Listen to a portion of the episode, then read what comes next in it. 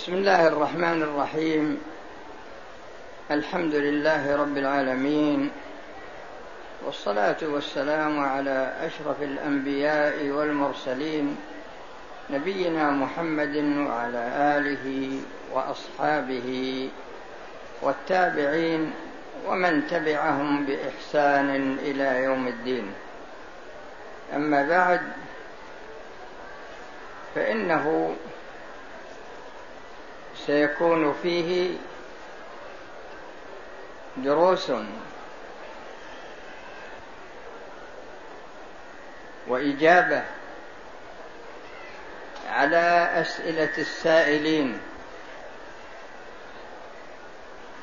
في هذا المكان ما بقي من أيام شهر رمضان المبارك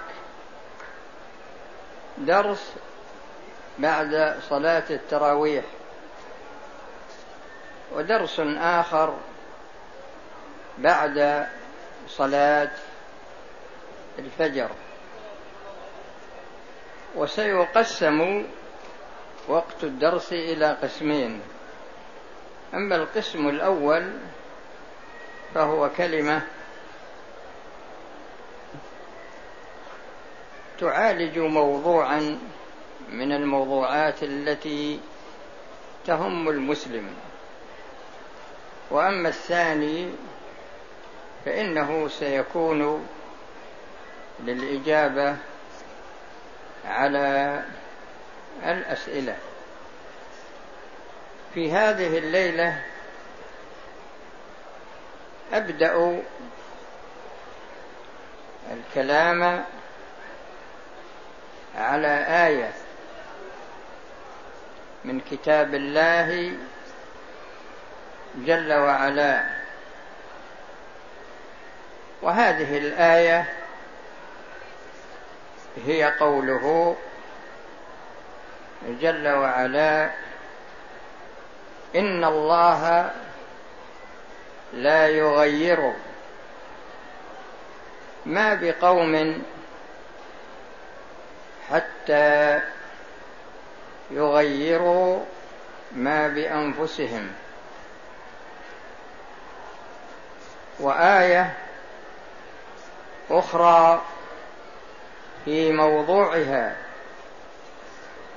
وهي قوله جل وعلا ذلك بأن الله لم يكن مغيرا نعمة أنعمها على قوم حتى يغيروا ما بأنفسهم.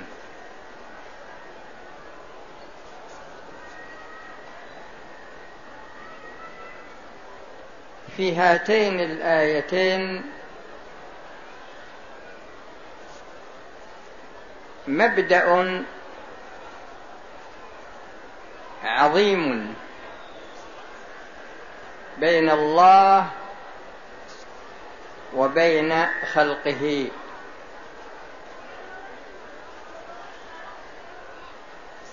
هذا المبدأ العظيم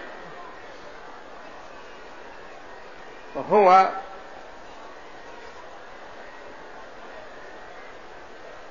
ترتيب المسببات على أسبابها.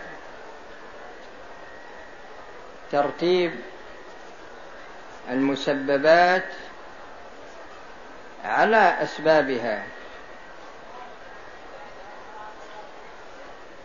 وفي هاتين الآيتين بيان السبب وبيان المسبب. بيان السبب وبيان المسبب. وإذا نظرنا إلى السبب وجدنا أنه يسير في طريقين أساسيين.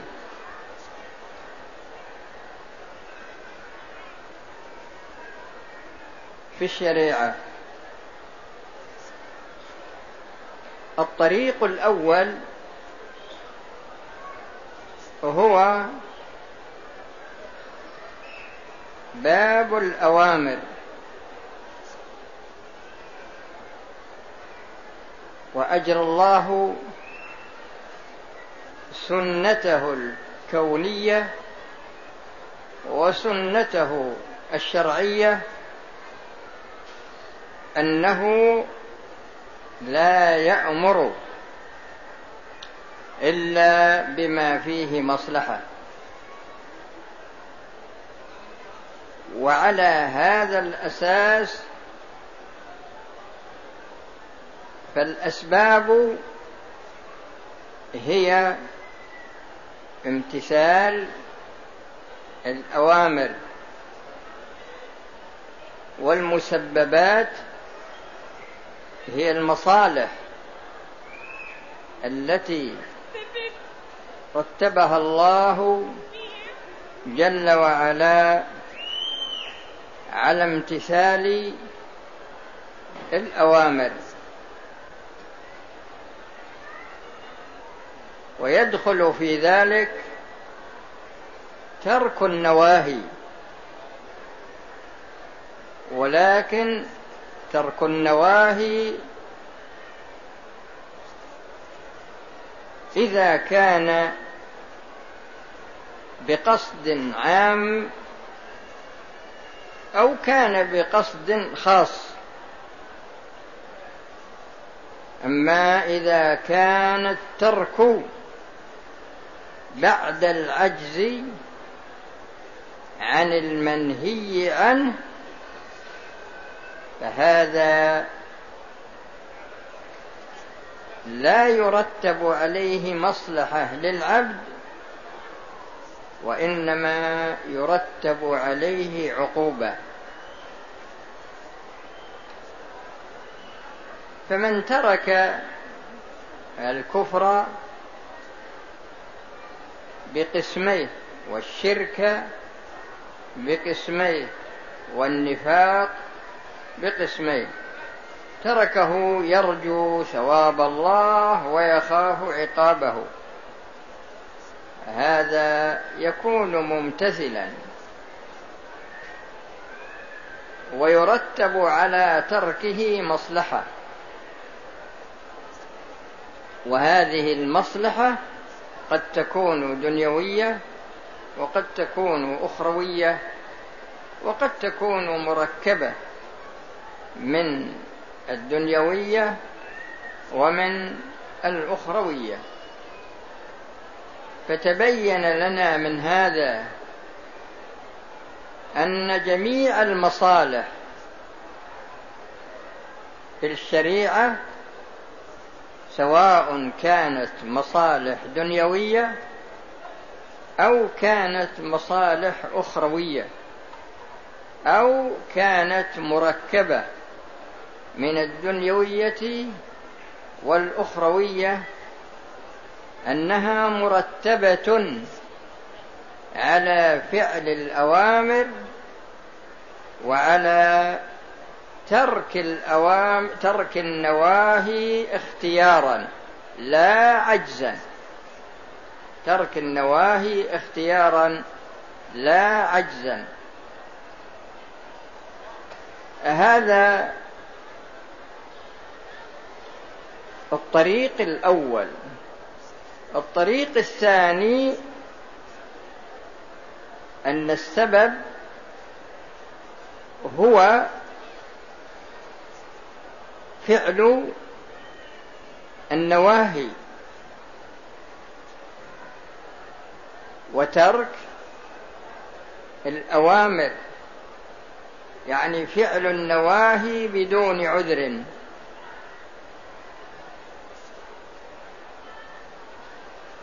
وترك الأوامر بدون عذر شرعي. فهذا سبب كلي وما يرتب عليه هو المفسدة التي تقع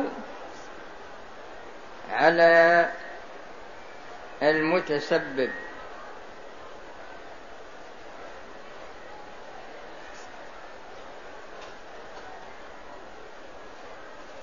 وهذه المفسدة تكون دنيوية وتكون أخروية وتكون مرتب مركبة منهما بمعنى أن الشخص قد يحصل عليه مفسدة في الدنيا أو يؤخر العقاب ويكون في الآخرة أو يجمع له بين الأمرين لأن هذا راجع إلى الله. إذن مبدأ التغير الذي نبه الله عليه في هاتين الآيتين هذا المبدأ يرجع إلى هذين الطريقين. فيرجع إلى الطريق الأول فقط ويرجع إلى الطريق الثاني فقط. ويرجع إليهما مجتمعين فقط. وهذا ما سيكون موضع الدروس بعد صلاة التراويح في هذا المكان ما بقي من الليالي الماضية. وأكتفي بهذه المقدمة التي بينت أصل الموضوع وأسأل الله سبحانه وتعالى أن يوفقني وإياكم لما يحبه ويرضاه وإذا كان في أحد عنده أسئلة بإمكانه أنه يسأل عنها سواء عن طريق الورق أو عن طريق أو سؤال شفهي.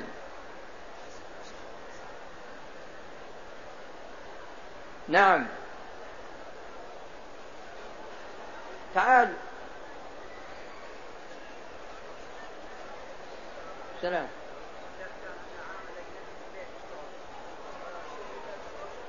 ها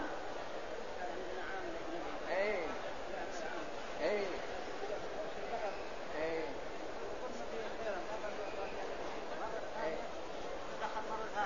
إيه إيه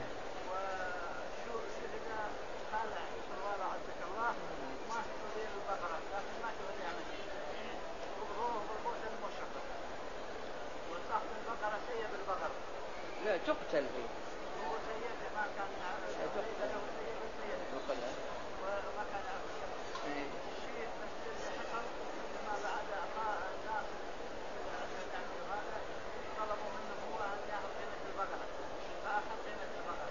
منين؟ إيه طيب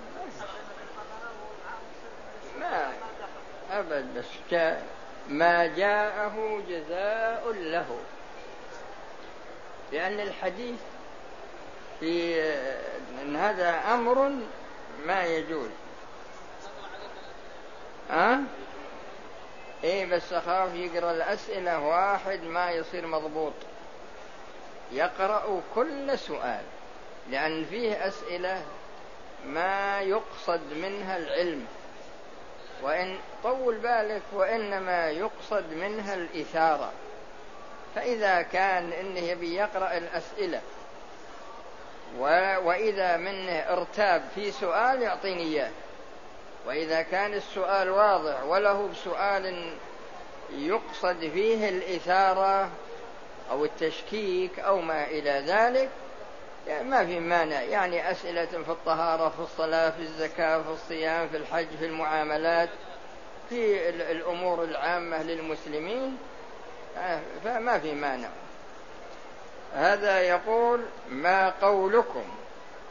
الذي يقول إن خبر الآحاد يفيد غلبة الظن. هل يكون مبتدع خارج عن منهج أهل السنة والجماعة؟ نرجو توضيح ذلك. جزاك الله خيرا. الجواب عن هذا السؤال هو أن خبر الآحاد ينظر إليه من جهتين.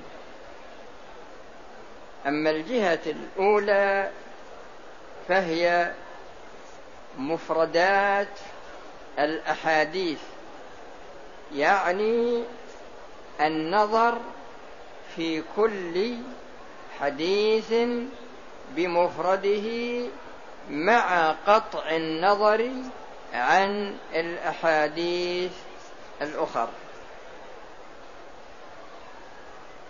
وإذا كان المتكلم يريد بخبر الآحاد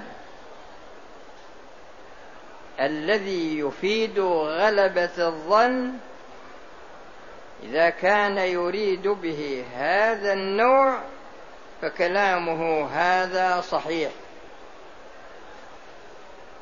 أما إذا كان يريد الجانب الآخر وهذا الجانب هو الأمر الكلي. يعني بالنظر إلى مجموع أحاديث أخبار الآحاد التي جاءت في السنة. فهذا كاذب. قد يكون جاهلا. لأن الإنسان تكون عنده جرأة في الكلام ولكن لا يكون عنده علم أو يكون صاحب هوى. ما يكون جاهل لكن يكون صاحب هوى. يريد تشكيك الناس في سنة الرسول صلى الله عليه وسلم. ومن أراد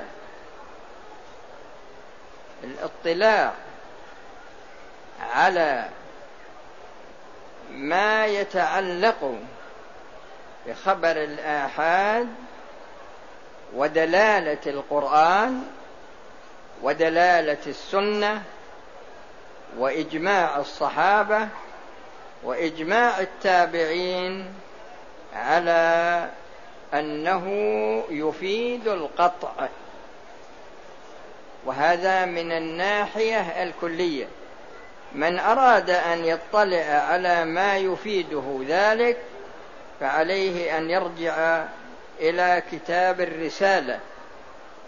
للإمام الشافعي رحمه الله فقد تكلم على هذا الموضوع كلاما شافيا. السؤال الثاني أخذت عمرة. ثم مكثت بعد صلاة الجمعة. حوالي ساعة أو أكثر في سكني. ثم أخذت ما, عليك شيء. يعني ثم أخذ يعني ما إن ما طاف طواف الوداع. وهذا يقول مرتب شركات التأمين. هل فيه حرام. والصلاة خلف إمام يعرف عنه سيء السمعة في كثير من الأمور منها أنه يقدم لأحد المدري وش هذه رشاوى وما إلى ذلك. أما بالنظر لمرتب شركات التأمين إذا كان التأمين تجاريا فلا يجوز للشخص أن يشتغل فيه. وأما بالنظر للصلاة خلف الإمام فالقاعدة في الشريعة أن من صحت صلاته صحت إمامته.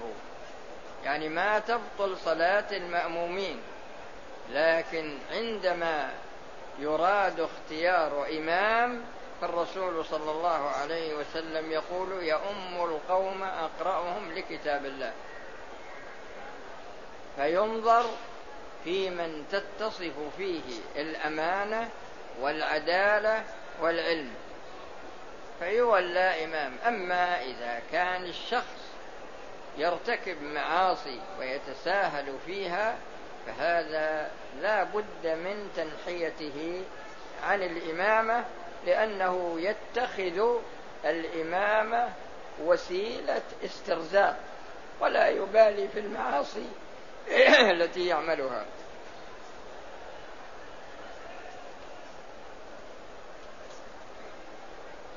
وهذا يقول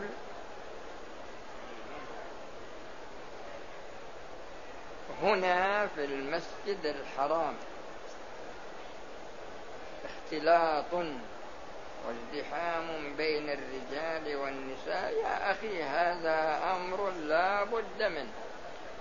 لكن العاقل يتجنب جميع الذرائع التي تحدث الفتنة عنده لأن من قواعد الشريعة قاعدة سد الذرائع.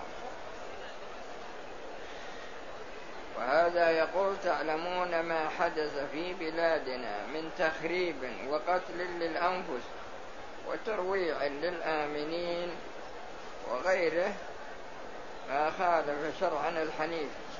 فنجد بعض الناس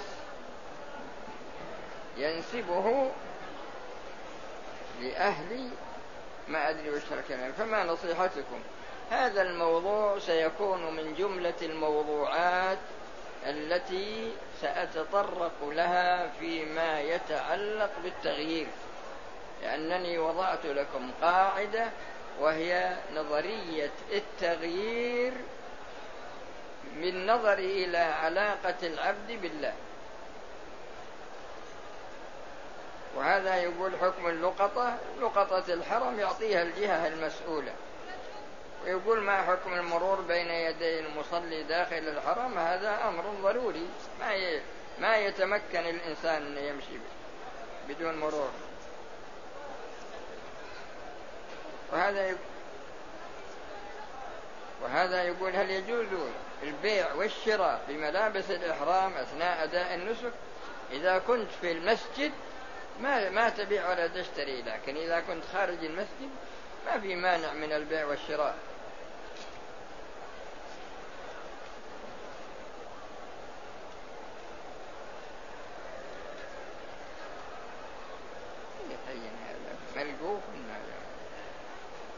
أخذت العمرة وعند الحلق وضعت صابون سائل له رائحة.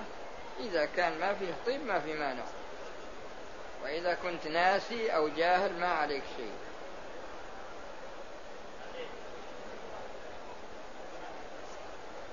قال تعالى يهدي من يشاء ويضل من يشاء.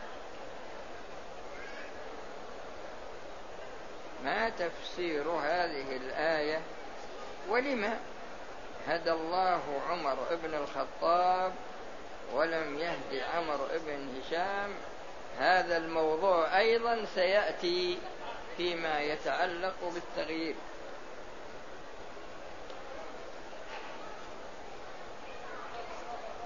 وهذا يقول وش حكم التسليم والمجالسة لأهل الأهواء والبدع. يا أخي تجنب أهل الأهواء والبدع إلا إذا كانت مخالطتك لهم تقدم نصائح لهم. لعلهم يرتدعون. أما إذا كان ما تدعوهم وتغير المنكر فلا يجوز لك مجالستهم. يقول مسافر فأردت جمع المغرب والعشاء. فأتيت المسجد الحرام وقد أقيمت صلاة العشاء. فصليت العشاء ما يعني ما في مانع. صليت العشاء ثم تصلي المغرب لأن الترتيب لأن وجوب الترتيب يسقط عندما تحضر صلاة.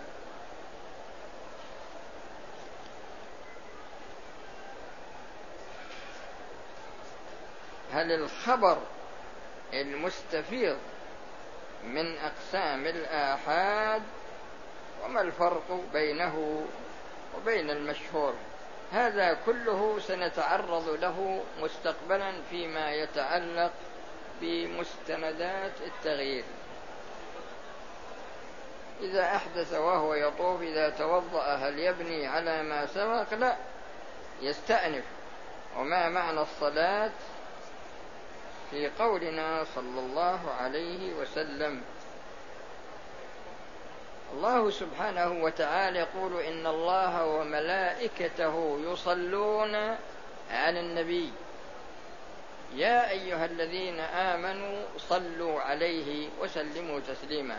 وفي كتاب كامل اسمه جلاء الأفهام.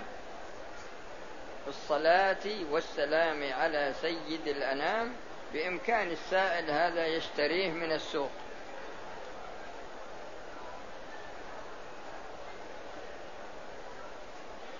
وهذا يقول هل يجوز أن أخص طفلا معاقا بشيء من مالي؟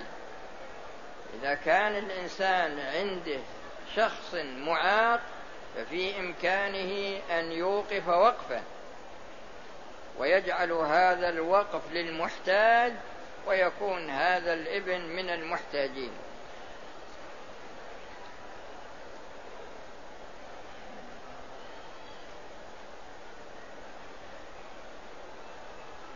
هذا يقول ما تعني الآية لكن أخطأ فيها. هي الآية يا أيها الذين آمنوا لا تسألوا عن أشياء إن تبد لكم تسؤكم.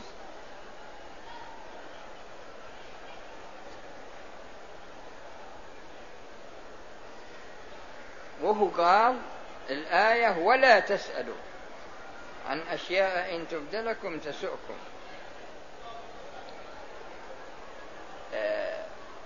المقصود من هذا هو أن السؤال يأتي في الشريعة على وجوه كثيرة.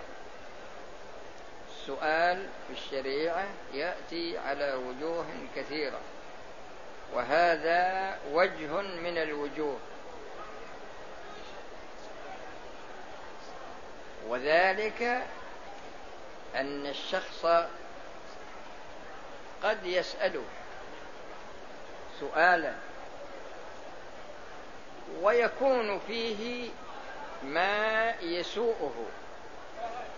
وقف رسول الله صلى الله عليه وسلم موقفا فقال لا تسألوني عن شيء إلا أخبرتكم. فقام رجل فقال يا رسول الله أين أبي؟ قال أبوك في النار. قال أبوك في النار. فالشخص عندما يريد أن يسأل يسأل سؤالا أشكل عليه في أمر دينه. سواء من الناحية العلمية أو العملية أو القولية أو الكف عن شيء من الأمور. لكن يسأل عن أمور يعني لا حاجة لها أصلا. بمعنى أنه ما يمكن يعمل فيها طول حياته. سأل شخص يقول الجن عندما يريد أن يتزاوجوا من الذي يعقد لهم؟ عندما تعطيه هذا الجواب ماذا يستفيد منه؟ يعني يريد أن يتزوج هو من الجن ولا يزوج من الجن؟ فالإنسان عندما يريد أن يسأل يقيم السؤال. فإذا كان يعود عليه بالمصلحة سأل وإلا سكت. وهذا يقول هل تصح العمرة عن الزوجة إذا كانت متوفاة أو كانت عاجزة؟ ما في مانع.